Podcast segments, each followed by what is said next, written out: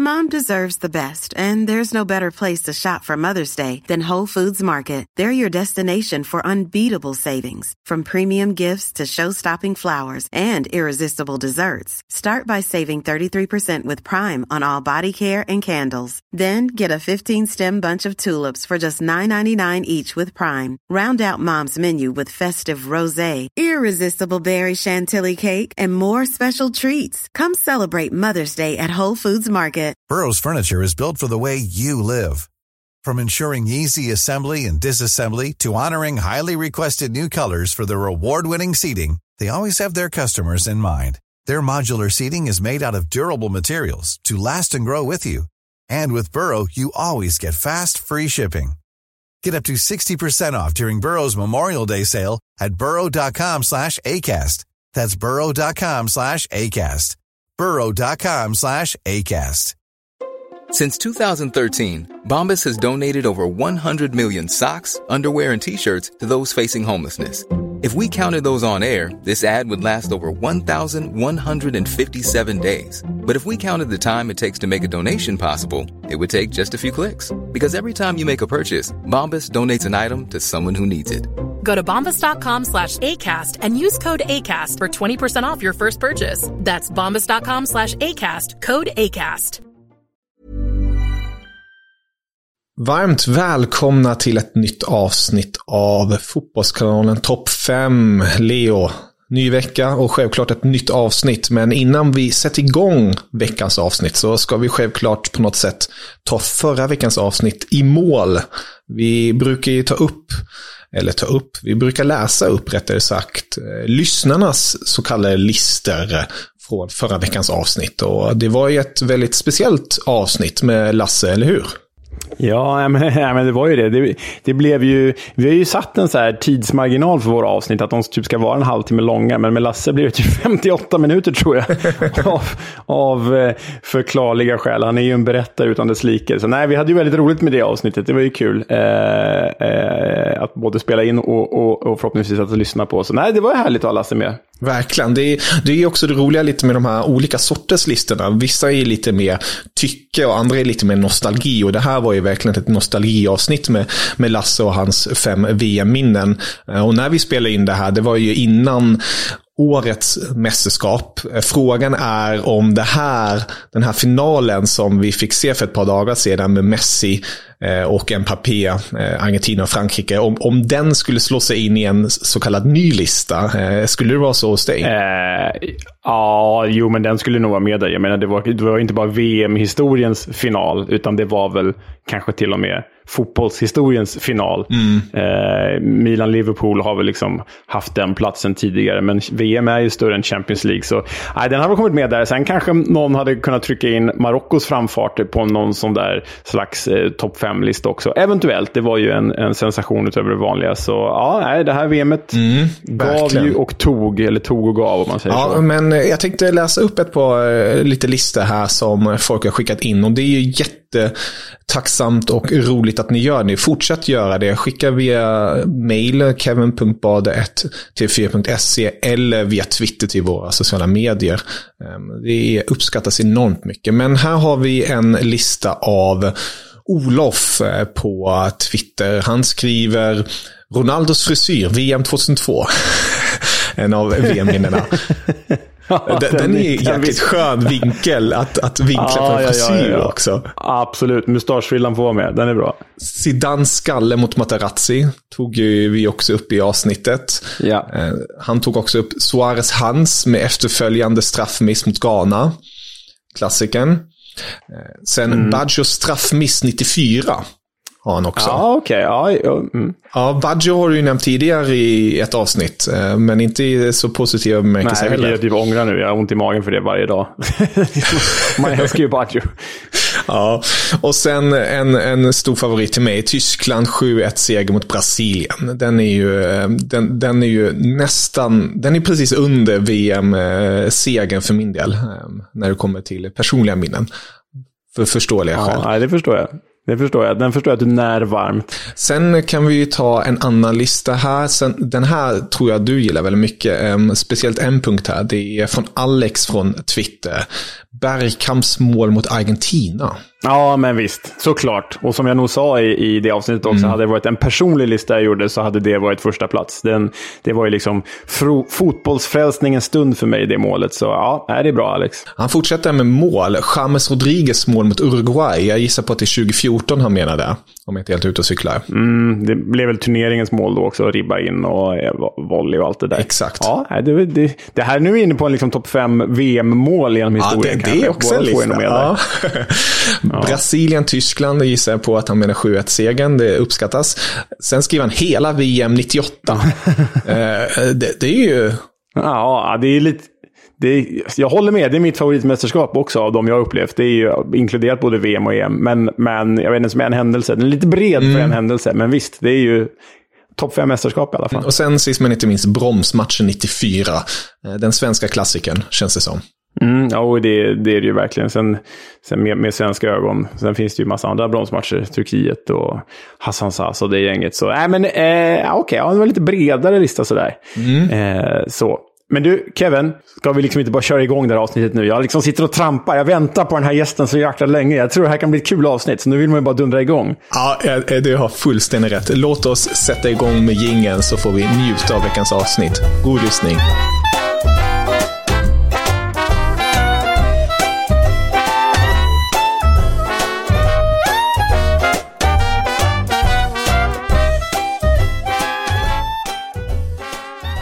I det här avsnittet kommer vi prata om svin.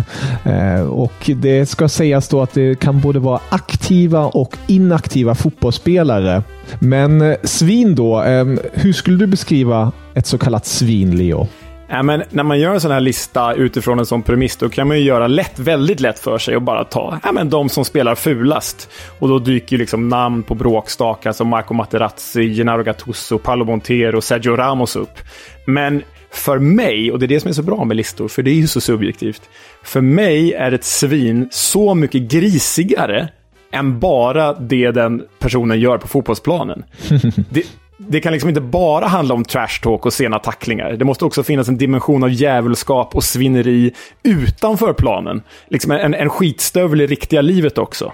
Eh, det tycker jag är viktigt. Helhetsbilden helt enkelt. Ja, ja, ja, verkligen. Ja, och eh, med oss i detta pilotavsnitt är vi väldigt glada att välkomna Pontus Wernblom. Guten tack! Tack så mycket. Är det därför jag är med här nu då, tänker ni? För att det är det största? det fattar jag inte för nu, men eh, ja, kul att få vara med då. Nej, vi tänkte... Det var du som sa det. Nej, det avslöjar jag själva rätt hårt här nu tycker jag. Jag får ta det. Nej, men om, man måste vara ärlig. Alltså, du, du var ju som aktiv spelare en... Jag fick ju aldrig äran att möta dig. Jag har aldrig varit på den nivån. Men jag kan ju tänka mig att det inte var lätt att möta dig med tanke på eh, din hårdhet och din, eh, din envishet ute på planen. Och med tanke på att du också har varit runt ute i fotbollsvärlden så har du nog upplevt så kallade svin eh, rätt så regelbundet. Eh, och då, då känns det väldigt passande att ta upp det med dig. Ja, precis. Det har jag väl gjort. Och jag tänker inte sitta här och försvara mig själv, eller, utan jag gjorde väl det också på planen som eh, jag ansåg behövdes göra för att vinna matcher. Eh, och det var inte mycket som jag inte kunde tänka mig att göra på en fotbollsplan. Så absolut, jag tycker att eh, jag själv skulle nog kunna passa in på en lista som eh, här också. Men eh, jag tycker den hade en bra inledning. Leo var inne på någonting där den ska vara väldigt subjektiv. Ett svin för den ene behöver inte vara ett svin för den andra och så vidare. Och det behöver ju givetvis inte vara eh, en Roy Keane-typ som är det största svinet, utan det kan även finnas andra typer av svin. Eh, så det ska bli kul att få vara med här. Mm, härligt. Och vi tänkte så här, vi, vi kommer gå igenom din lista först Pontus, och sen kommer vi få höra Leos lista. Ja. Och jag tänker mig att vi går från fem till ett för att bygga upp en form av eh, spänning i det hela. Just det. Men då kan jag börja direkt då. Jag tar tjuren vid ja. hornen och så tar jag in på plats nummer fem. Och det är som sagt eh, både en gris på planen men framförallt hur han avslutade en betydligt bättre fotbollsspelare än han självs karriär. Och det är Marco Materazzi jag tänker på då. Oh. Ett riktigt as får man väl ändå säga. Och eh, att han fick Zidane utvisad, det lägger jag inte på Zidane, utan det lägger jag helt och hållet på Materazzi som spelade sina kort rätt. Men nej, en riktig gris och en begränsad fotbollsspelare som till hans försvar gjorde allting han gjorde för att kunna vinna fotbollsmatcher och eh, vann således även ett VM-guld eh, när han fick sidan av plan. Jag har en fråga här kring Materazzi, för han har ju definitivt figurerat i, i, i mina tankar när jag skrev min lista, som jag ja. inte ska avslöja nu. Men finns det liksom inte li, något lite förlåtande element i Materazzi också, givet att han ändå var en ganska stor målskytt, var mittback, fin vänsterfot, gjorde mål i en VM-final, drog väl in en 10-11 mål för Perugia en Serie A-säsong. inte det ett litet förlåtande element i det hela? Det kanske jo, inte har med, med... det kan man ju tycka. Kanske det också därav att han hamnar som nummer fem på listan, för annars annars så har han ju verkligen potential att klättra betydligt högre kanske.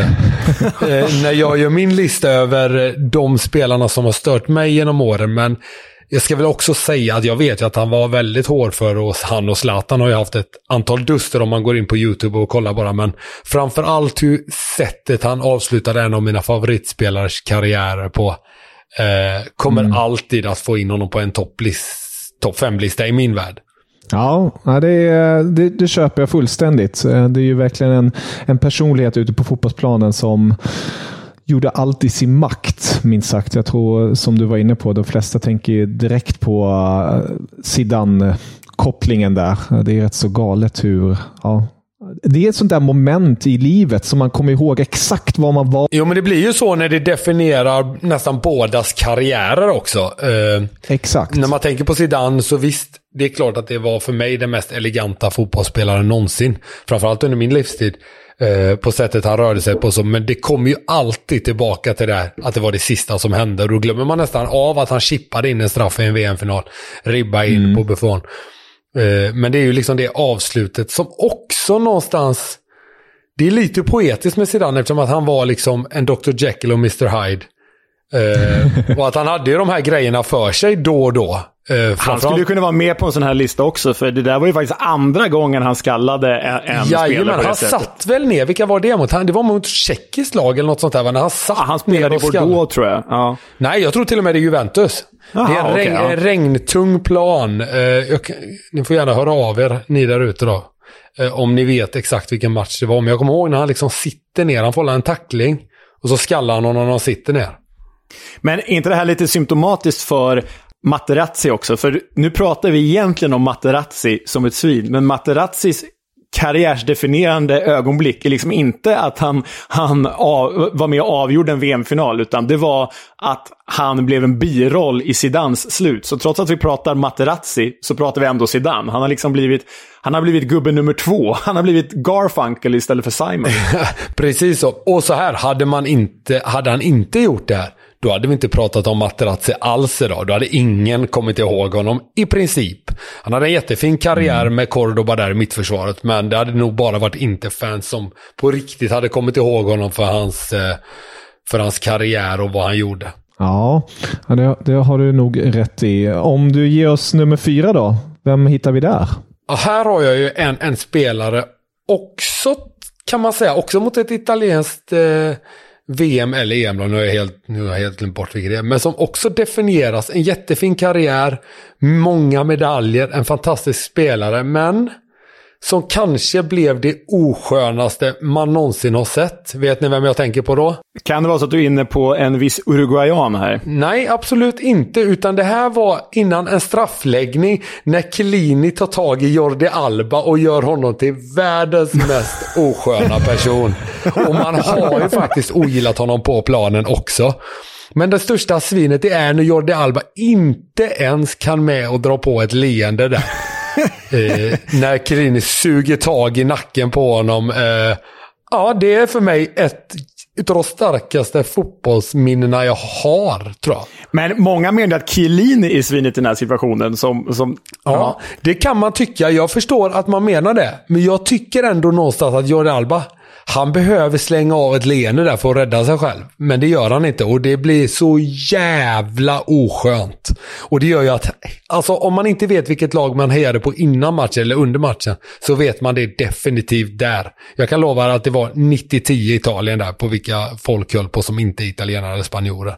Och det var Jordi Albas fel och han är även en sjukt osympatisk spelare på planen. För alla er som har sett när Barcelona och Spanien spelar. Mm, han är ju verkligen inte omtyckt, men det, det, det är rätt så välkänt känns det ändå som, just med Alba och hans osympatiska stil ute på planen. Um, så, ja. Uh, ett svin i Pontus lista. Ja. Jo, men så också det att han är liten liksom. Alltså du vet det här ettriga. Alltså det är det som gör, det är en helt annorlunda typ av svin mot Materazzi då. Men ändå ett svin. Jag vill ändå hitta lite olika typer av svin. Det är så enkelt att gå på. Men har inte väldigt mycket att göra också att han är ändå en försvarsspelare i grunden. Men så har vi en, givet han är så offensiv, så är han en försvarsspelare som filmar oerhört mycket. Det hänger ju inte ihop. Det passar ju inte. Nej, han har så många, det är så många grejer med honom som man liksom verkligen kan reta sig på. Tycker jag. Ja, verkligen. Det är, jag ser bara ofta de här rullningarna på marken och sen eh, titta igenom händerna för att se om domaren har sett honom eller så. Precis. Det, det är mycket sådant. Ja. Nej, men vi har topp tre då. Vem hittar vi på plats tre? Du, där hittar vi en gammal... Eh, det första svinet jag upptäckte kan man väl ändå säga. Och det är också lite för att han ser ut som den gamle streetfighten Guile, tror jag han hette. Som spelades av... Eh, van Damme i filmen och det är Carlos Dunga tror jag han heter. Jag tror han heter Carlos i förnamn. Ja, ja, ja, han heter en miljard mm. förnamn säkert. Men Dunga var ju också en sån riktig... Där har du det klassiska svinet tror jag väl ändå. Hård för mittfältare. Eh, och så just det att han är brasse, det gillar man ju lite. Jag sprang runt där med sin sån flat top frisyr på 90-talet. Eh, riktigt ful spelare. Riktigt sån här jäkla antibrasse också. Alltså han är, han är ja, ju sinnebilden av hur en brasiliansk fotbollsspelare absolut inte ska vara. Exakt så. Och man märkte liksom på hans lagkamrater att, att de verkligen inte tyckte om honom heller. Alltså det var så jäkla tydligt att ingen gillar Carlos. Det finns, ju, det finns ju en story från när eh, Ronaldinho kommer fram med det va? Och, eh, och Carlos Dunga spelar i samma lag. Och Dunga säger åt Ronaldinho att inte showa för mycket. Det passar sig inte i, i fotbollen. Eh, eh, så nej, det, det är ju en riktig... Det karaktäriserar honom. Ännu liksom. mer antibrasse liksom. Man kan ändå, jag kan ändå tycka om det. Eh, men visst. Eh, han tar ändå plats på listan och för de som kanske är lite för unga får minnas honom. Han var riktigt bra. Men också ett riktigt jävla svin. Och han var väl lagkapten eh, VM 94 va? Det var han. Det var han. Han var ju dessutom eh, tränare för det brasilianska landslaget sen också. Just det. Eh, vid två Just. tillfällen om jag inte misstar mig. Ja, det känns som en sån kille man ringer när man behöver ha en interim snabbt som får fart på laget. Old school-tänket. Exakt. Lite som du var inne på, Lea. otypisk brasse. Men ja, sådana såna behövs ju också.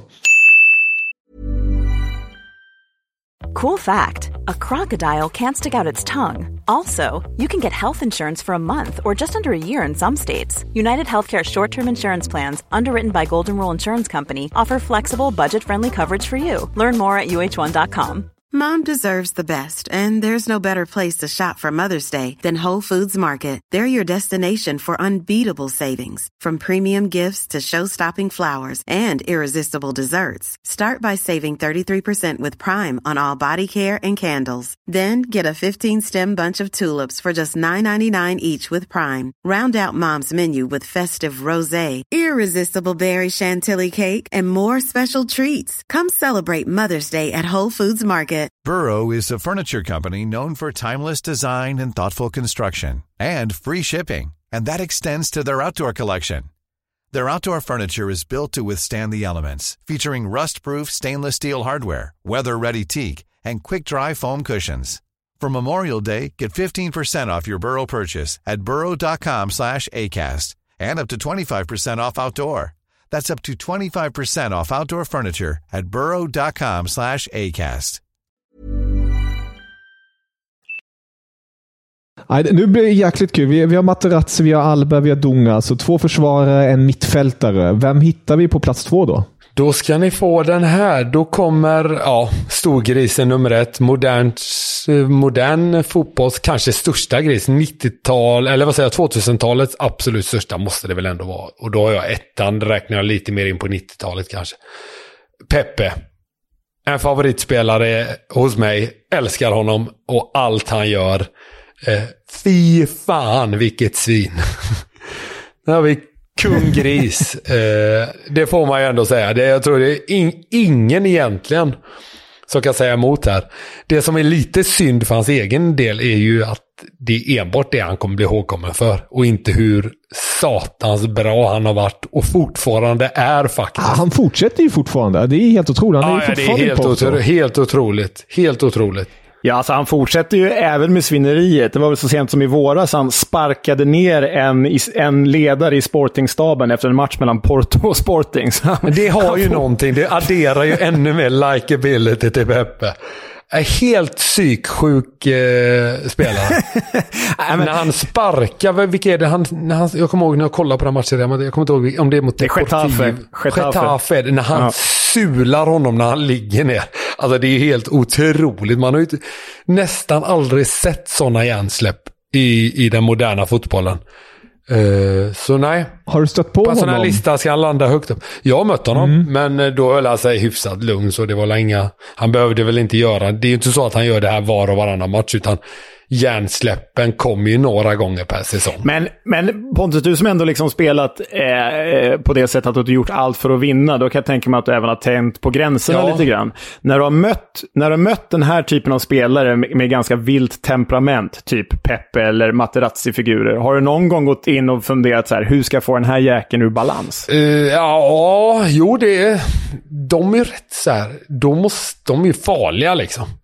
Så då måste du någonstans sätta det. Men jag har ju varit med om, jag har ju fått ut Balotelli en gång ur ett eh, U21-EM. Då visste man ju att han är ju, eh, han är ju svinbra, så vår största chans är att få bort honom i matchen, liksom, alltså på ena eller andra sättet. Det är klart att då är man där och tjuvnyper och, och lägger sig ner och filmar och håller på lite sådär va. Men... Eh, och då till slut så fick han ju ett rött kort. Då körde han ju någon eftersläng där och då gick han ju i fällan. Eh, så då var man ju nöjd. Vi torskade ändå, så det spelade ju ingen roll. Men visst, det är klart om man har sådana så bra spelare som har, som man vet kan tappa skallen. Då gäller det att försöka spela på det som sagt. Eh, och det får man ju tycka vad man vill om. Det kan jag också tycka i efterhand att det är både barnsligt och, och sådär. Men samtidigt när man väl är där ute gör man allt för att vinna. Eh, några lite mer än andra och jag var den typen av spelare som gjorde sånt. Mm. Du pushade gränserna och såg när domaren blåste och inte blåste helt enkelt. Ja, precis. För det är upp till dem som sagt. De är ju där för att skipa rättvisa och då får de göra det. Ja, ja eh, jäkligt roligt namn med Pepe. Jag tror de flesta har en eller annan relation till eh, portugisen. Men vem får äran då på plats ett? Jag, jag har hittills varit lite besviken på att jag inte hört någon tysk, men eh, vi kanske hör någon tysk nu. Ja, men det finns ju tyska grisar, absolut. Jag är väl mer Effenberg och de här gubbarna och Rode Föller. Men det är lite... Effenberg är inte innan min tid, men det är väl kanske under. Men nej, inga tyskar. Eh, tyskar är ju generellt sett rätt så grisiga kan jag ju tycka, Kevin. Eh, överlag. Ja. Jag tänker det här, de mår ju inte dåligt när de piskar på brassarna med 7-1 och bara fortsätter gå för det och, och de gråter. Då, det, gillar man, det gillar jag ju med tyskarna, liksom, att de bara kör och de är ju som sagt det är svårt att hitta en gris, utan det är snarare ett kollektiv med grisar som bara kör. riktig svinstia. Liksom. Industriella liksom. maskineriet som bara maler. Ja, lite så. Eh, nej, men detta är ju faktiskt Roy Keane. Eh, får jag väl ändå säga. Eh, under min levnadstid så är det den största grisen. Också en jäkligt underskattad fotbollsspelare för han blir också bara ihågkommen för vad han, tacklingar, hur han rök ihop med Vera före, efter matcher, under matcher och framförallt hur han avslutade Hollands, pappa Hollands karriär. Vilket är bland de mest brutala överfallen vi har sett. Eh, och att han dessutom i sin bok senare skrev att han inte ångrar någonting och hade planerat det här i flera månaders tid Eh, gör ju honom ännu till ett ännu större svin i mina ögon. Och det är ju helt sjukt hur eh, man är fungerad. För jag kan ju någonstans, nu ska jag inte skydda eh, till exempel Peppe. Men det sker ju ändå någonstans i stundens hetta. Det har ju kanske byggts upp under matchen, men det är ju sällan man tror att han ger sig på. Den här Getafe-spelaren har ju bara retat honom under matchen. Det är ju ingen som han har gått och tänkt på, för då hinner du oftast lugna ner dig. Men Roy Keane har ju gått och ruvat på det här. De borde ju spärra in en sån person. Om han har så mycket hat i sig att han liksom går och väntar på det perfekta tillfället att sula ner en, en motspelare. Och sen avs alltså det är ju ett överfall som man ja, nästan inte har sett innan eller efter med tanke på att det är planerat. Ja, hade det, hade det skett utanför fotbollsplanen så hade han ju fått fängelsestraff för det. Så, så är det ju. Det är ju en, det är en grov misshandel. Liksom. Absolut, och det är som sagt, han sparkar av han hela knät. Så det är ju ett fruktansvärt eh, påhopp. Vilket är lite tråkigt. Eh, det är väl hela hans karriär egentligen har ju grutats av sådana här grejer. Sortini från Irland där i VM var det va? Och sånt där ja, också. 2002. Ja, precis. När det äntligen skulle, han äntligen skulle få spela och, och sådär. Och så blev det pannkaka. Så en bra fotbollsspelare, men en galning som borde faktiskt ha spärrats in. Eh, han, han toppar min lista, det får jag ändå säga. Ja, det var en, en profilstark lista, minst sagt. Eh, Roy Keane där som avslutar den hela. Leo, Ja, men eh, som sagt, alla, alla listor är ju subjektiva. Nu har vi ju diskuterat lite. Jag kanske ska haka på direkt, för det är ju nämligen så, haka på direkt med min lista, för det är ju nämligen så att Pontus etta är min femma. Roy Keane. Eh, av mycket samma anledningar som, som du var inne på här Pontus. Men jag, jag har faktiskt en extra krydda som jag vill lägga in i, i, i eh, Roy Keane-soppan. Och det är att eh, min gamla kollega eh, som jag jobbade med för tio år sedan ungefär. Han hade Roy Keane som förebild och favoritspelare. Väldigt tveksam förebild kan man ju säga, men favoritspelare i alla fall. Förebilden är till, favoritspelare kan man ändå köpa. Eh, förebild, då bör man kanske hitta någon annan. Men eh, då eh, var, gick min kollega på den här invigningsmatchen av Friends 2012, är det va? När, när Sverige möter England och Zlatan gör sina fyra mål. Och då var min kollega med några andra kollegor i en loge eh, och såg den här matchen. Och i logen bredvid var den, den då engelska tv-studion där Roy Keane var expert. Eh, och min dåvarande kollega blev ju helt till sig när han såg Roy Keane i katakomberna där på Friends. Så han var ju bara tvungen att gå fram och säga min stora idol, jag måste gå fram och säga hej till min stora idol. Så han går fram till Roy Keane och ber om hans autograf. Varpå Roy Keane tittar på min kollega upp och ner, synar honom två, tre gånger innan han säger Son, I don't do autographs. Det kan man ändå älska. Man älskar för att man, då är man ett riktigt jävla svin. Ja, riktigt svinigt det också alltså. Så där, därför är han med på min lista. Ja, jag kommer ju på en grej här nu. Jag bara får göra ett litet tillägg här nu. Jag har ju egentligen jag har ju en Hall of Famer på min lista som jag kom på nu. Nu när jag tänkte på United. Och det är ju det är, du, jag antar att någon av er kanske har det. Jag vill bara lägga in brasklappen att han har tröjan hissad i min svinlista och det är ju Ryan Giggs. Men vi behöver inte nämna mer om det. Jag, jag kanske vill bara sticka in den. För jag kom på den nu. Fullt förståeligt. Där har du ju en, en poäng att liksom det, om man bara ser till saker som hänt utanför plan, då är Ryan Giggs kanske till och med ohot, ohotad konung på hela den här listan. Ja. Ja, precis. Lite så. Eh, det var det jag ville ha sagt med det. Utan på plan, absolut inget svin så. Snarare en gentleman, men Hall of Famer när det kommer till svin utanför ja, plan. Ja, verkligen. Så det finns ju sådana om man bara tittar utanför plan. Det är många som har gjort hemska snedsteg, men som kanske skött sig bättre på plan. Precis. Ja, då lämnar vi United, eller fortsätter vi på det spåret, Leo, på plats fyra? Eh, Eh, nej, men vi lämnar United. Jag ska inte köra in kniven mer i Pontus, för du är väl United-supporter om jag minns rätt? Ja, det stämmer. Eh, nej, men vi lämnar United och så kommer vi till en spelare, en anfallsspelare, som heter Luis Suarez. Ja, och jag motiverar gärna så här att liksom, ofta är ju sviner, svineri en kompensation för begränsad kvalitet. Men absolut inte i Suarez fall, för jag menar, han är ju en av 2000-talets absolut bästa anfallare. Och det är kanske är en annan lista, Kevin. Det är kanske är ett annat avsnitt. Eh, men istället tycker jag att Suarez kvalificerar sig på den här listan för liksom, rasismen mot Patrice Evra. Och man kan ju prata om språkliga och kulturella skillnader givet ursprung. Men det var ju till sist och syvende en rasistskandal gentemot Patrice Evra. Alla hans filmningar, alla hans jävla bett. Alltså Chiellini, Ivanovic, Ottman Bakall. De har ju liksom bitmärken kvar efter duster med den här jävla spelaren. Det är så sjukt. Nej, det, ja, det krävs ju något extra för att bita någon. Det gör ju det. Det, det är liksom den, den tröskeln är rätt så hög.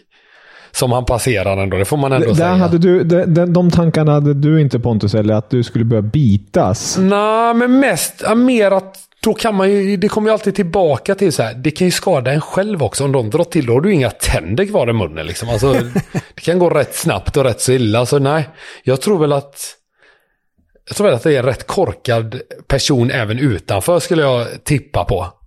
Och det som jag nästan, det som jag nästan tycker är det värsta med honom. Eh, vilket inte själva sitt, det är ju faktiskt när han tar med hands mot Ghana och de missar straffen. Hade de satt straffen så hade man inte brytt sig. Men just att det är han som ändå... Och hur han firar Det är ju genialiskt. Också. Alltså det är ju, ja, det är ju genialiskt. Ja. Men alltså egentligen så.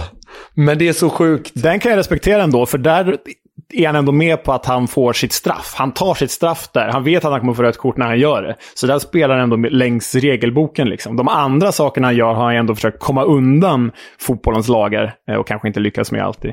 Nej, jag, jag förstår vad du menar, men eftersom det är min subjektiva tolkning av det. Jag håller ju alltid på de afrikanska lagen och är inte så mycket för de sydamerikanska. Så just där och då tyckte man ju han var ett ännu större, ett jävla as. Såklart att det var han också som stod på mållinjen. Han liksom i eget straffområde i 30 sekunder per match. Och då är det han som är där och räddar som en målvakt. Otroligt. Sanslöst. Plats nummer tre, Leo. Ja, men eh, då landar vi på de brittiska öarna igen och där tar jag plockat fram den gamle Leeds-mittfältaren Lee Boyer. Oh. Och det är ju ett riktigt jäkla ärkesvin så här i, i, när man tittar i backspegeln. Alltså 2005 bråkar han och slåss med sin lagkamrat i Newcastle, Kieran Dyer, mitt under match. Så att båda visas ut. Det är ju speciellt, minst sagt. Och eh, 2002 stampar han ju alltså medvetet Malagas Gerardo i huvudet. Så han fick ju 12 matchers avstängning. Det var ibland bland det sista han gjorde i Leeds. Otroligt. ja, den är, den, är, den är faktiskt riktigt sjuk. 12, 12 matcher. Den är ju svinful. Youtube har inte sett den. Den är ju ja, den är riktigt grotesk.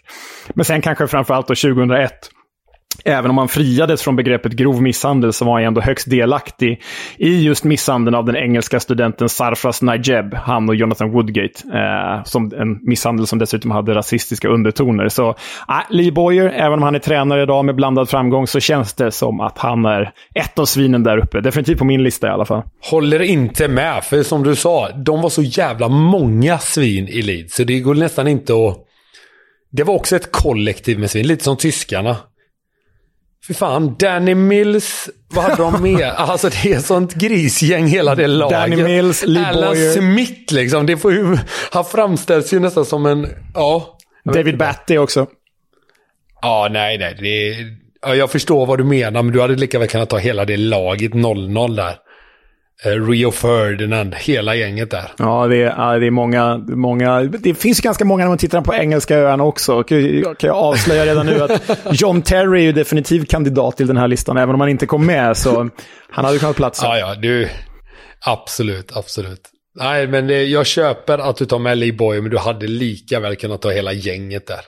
Hittar vi en till eh, från de brittiska öarna på den placeringen ovanför?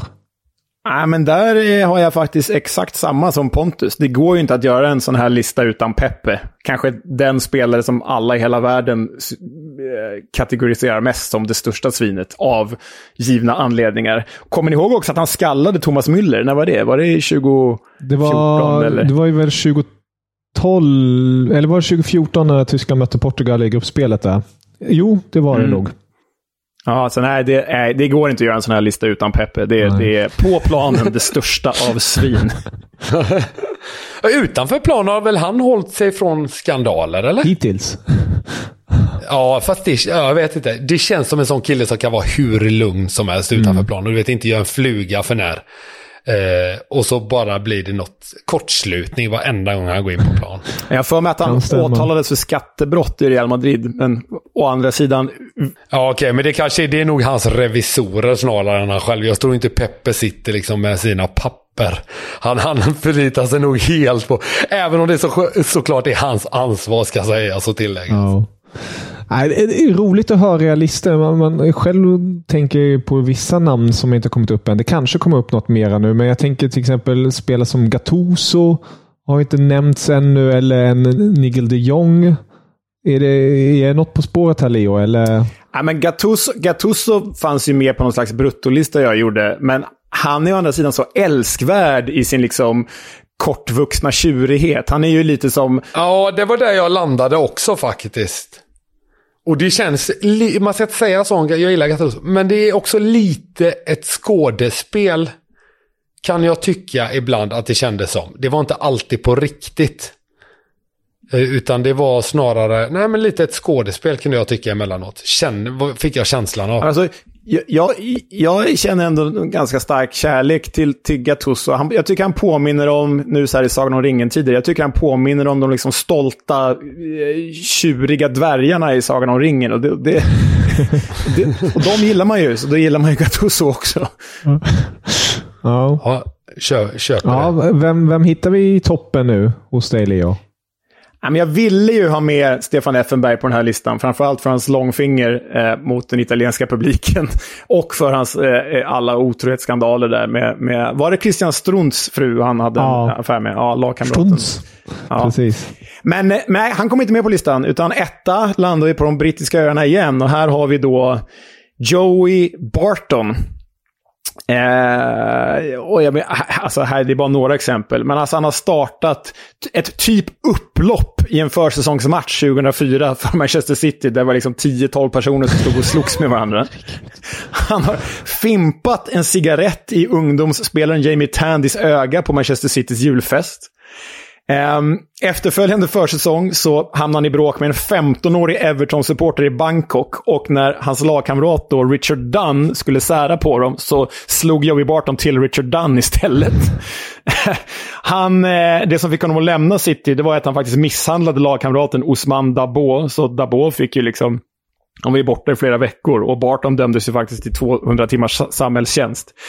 Eh, han har misshandlat personer på stan i Liverpool, fått sex månaders fängelse. Han har nitat Morten Gams Pedersen. Han fick det här bizarra röda kortet, ni vet när Manchester City vann ligan i, i sista matchen mot QPR där, ni vet Balotelli och Agüero. Då fick ju Barton rött kort för att han skulle ge sig på både Agüero och vem det var mer. Så nej, Barton är, han är en sån ärkepärla till supersvin alltså. Verkar vara riktigt grisig som tränare också. Får röda kort i Bristol Rovers och, och säger att spelarna inte är värda skit. Men vet du, du vet, när du räknar upp det här, det här är ju en film. Men du vet, jag känner inget, jag känner inget hat mot honom. Det är helt sjukt, jag borde göra det. Jag gör det med alla andra, men du vet, det är så, här, det är så jävla sjukt. Att det, är här, det är nästan ja. så orkestrerat allting. Ja, och så nu stod han ju i klacken sist där mot Marseille såg jag. Han såg ut att må jättebra ja, där. Det är ju en härlig aspekt av honom, att han har, att han har där support, supporten i sig. Att han står i Marseille-klacken för att han har spelat i Marseille när han möter Tottenham. Det är ju jättefint. Men samtidigt är han ju bevisligen någon slags psykopat eh, när, när det handlar om fotbollsrelaterade saker. Jag köper första platsen när du räknar över, men det, är, det känns ju orkestrerat liksom. Det är för mycket. Hur kan det ha fått pågå? Så länge och det säger väl hur sjuk fotbollen är snarare än hur dum i huvudet Joey Bartman är. Och på så hög nivå också. Man tänker efter det som har hänt i liksom Manchester City eh, och, och eh, därefter i Newcastle. Hur kan en klubb som typ QPR, hur kan de vilja ha honom? Ja, det är för att han var en rätt bra spelare. Då, då, då, ja, är det... Jo, fast var han ens så... Alltså jag tänker så här. Så bra var han ju inte att du tar in en sån... Jag förstår vad jag menar. Jag hade förstått om man tog in Peppe. Den typen liksom. Men han var ju aldrig så bra. Att de var tvungna att... Jäkla bra agent. Ja, otroligt. Nej, nej. Men jag kan ju fatta, det kan ju vara för att få fart på andra grejer också. Det är klart att ett, om ett lag som QPR tar in en sån galning att det får lite... Jag får lite medvind i, i allt det andra mm. också såklart. Ja, tände igång det hela. Ja, jäklar. Två riktigt fina listor. Som sagt, det är det fina med listor. De, de är subjektiva.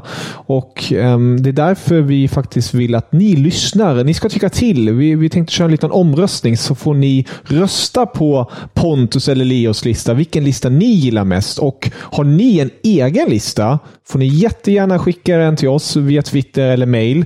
Så ska jag sammanställa folkets lista gällande svin till nästa veckas avsnitt. Så får vi se om folket håller med er två i, i det hela. Jag gissar på att ett, en hel del namn kommer nog vara med där med, men det kanske finns ett par utstickare ändå. Det finns ju många så kallade svin ute i fotbollsvärlden. Men eh, med det sagt Pontus, tusen tack för att du ville gästa och eh, berätta om din fina lista. Eller din sviniga lista rättare sagt. Precis, tack för att jag fick vara med. Ja, och Leo, alltid ett sant nöje att uh, snacka med dig och nästa vecka ska vi snacka om ett nytt ämne och se var vi landar då helt enkelt. Mm, det blir kul det med. Ja, sköt om er. Hej, hej. Hej. Auf Wiedersehen.